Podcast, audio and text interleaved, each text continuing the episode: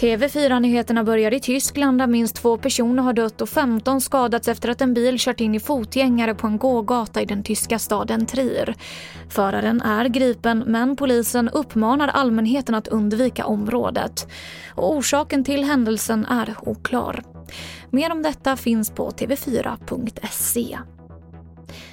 Även symptomfria yngre barn och elever som bor tillsammans med någon som har covid-19 rekommenderas att stanna hemma. Detta enligt Folkhälsomyndigheten som nu kommer med nya råd.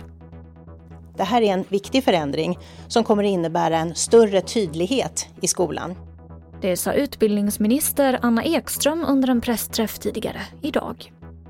Och jag avslutar med att berätta att ICA nu återkallar lax av det egna varumärket. Det är ICA kallrökt skivad lax på 150 gram och det här beror på att bäst före-datumet har blivit fel. Och det var det senaste från TV4 Nyheterna. Jag heter Emily Olsson.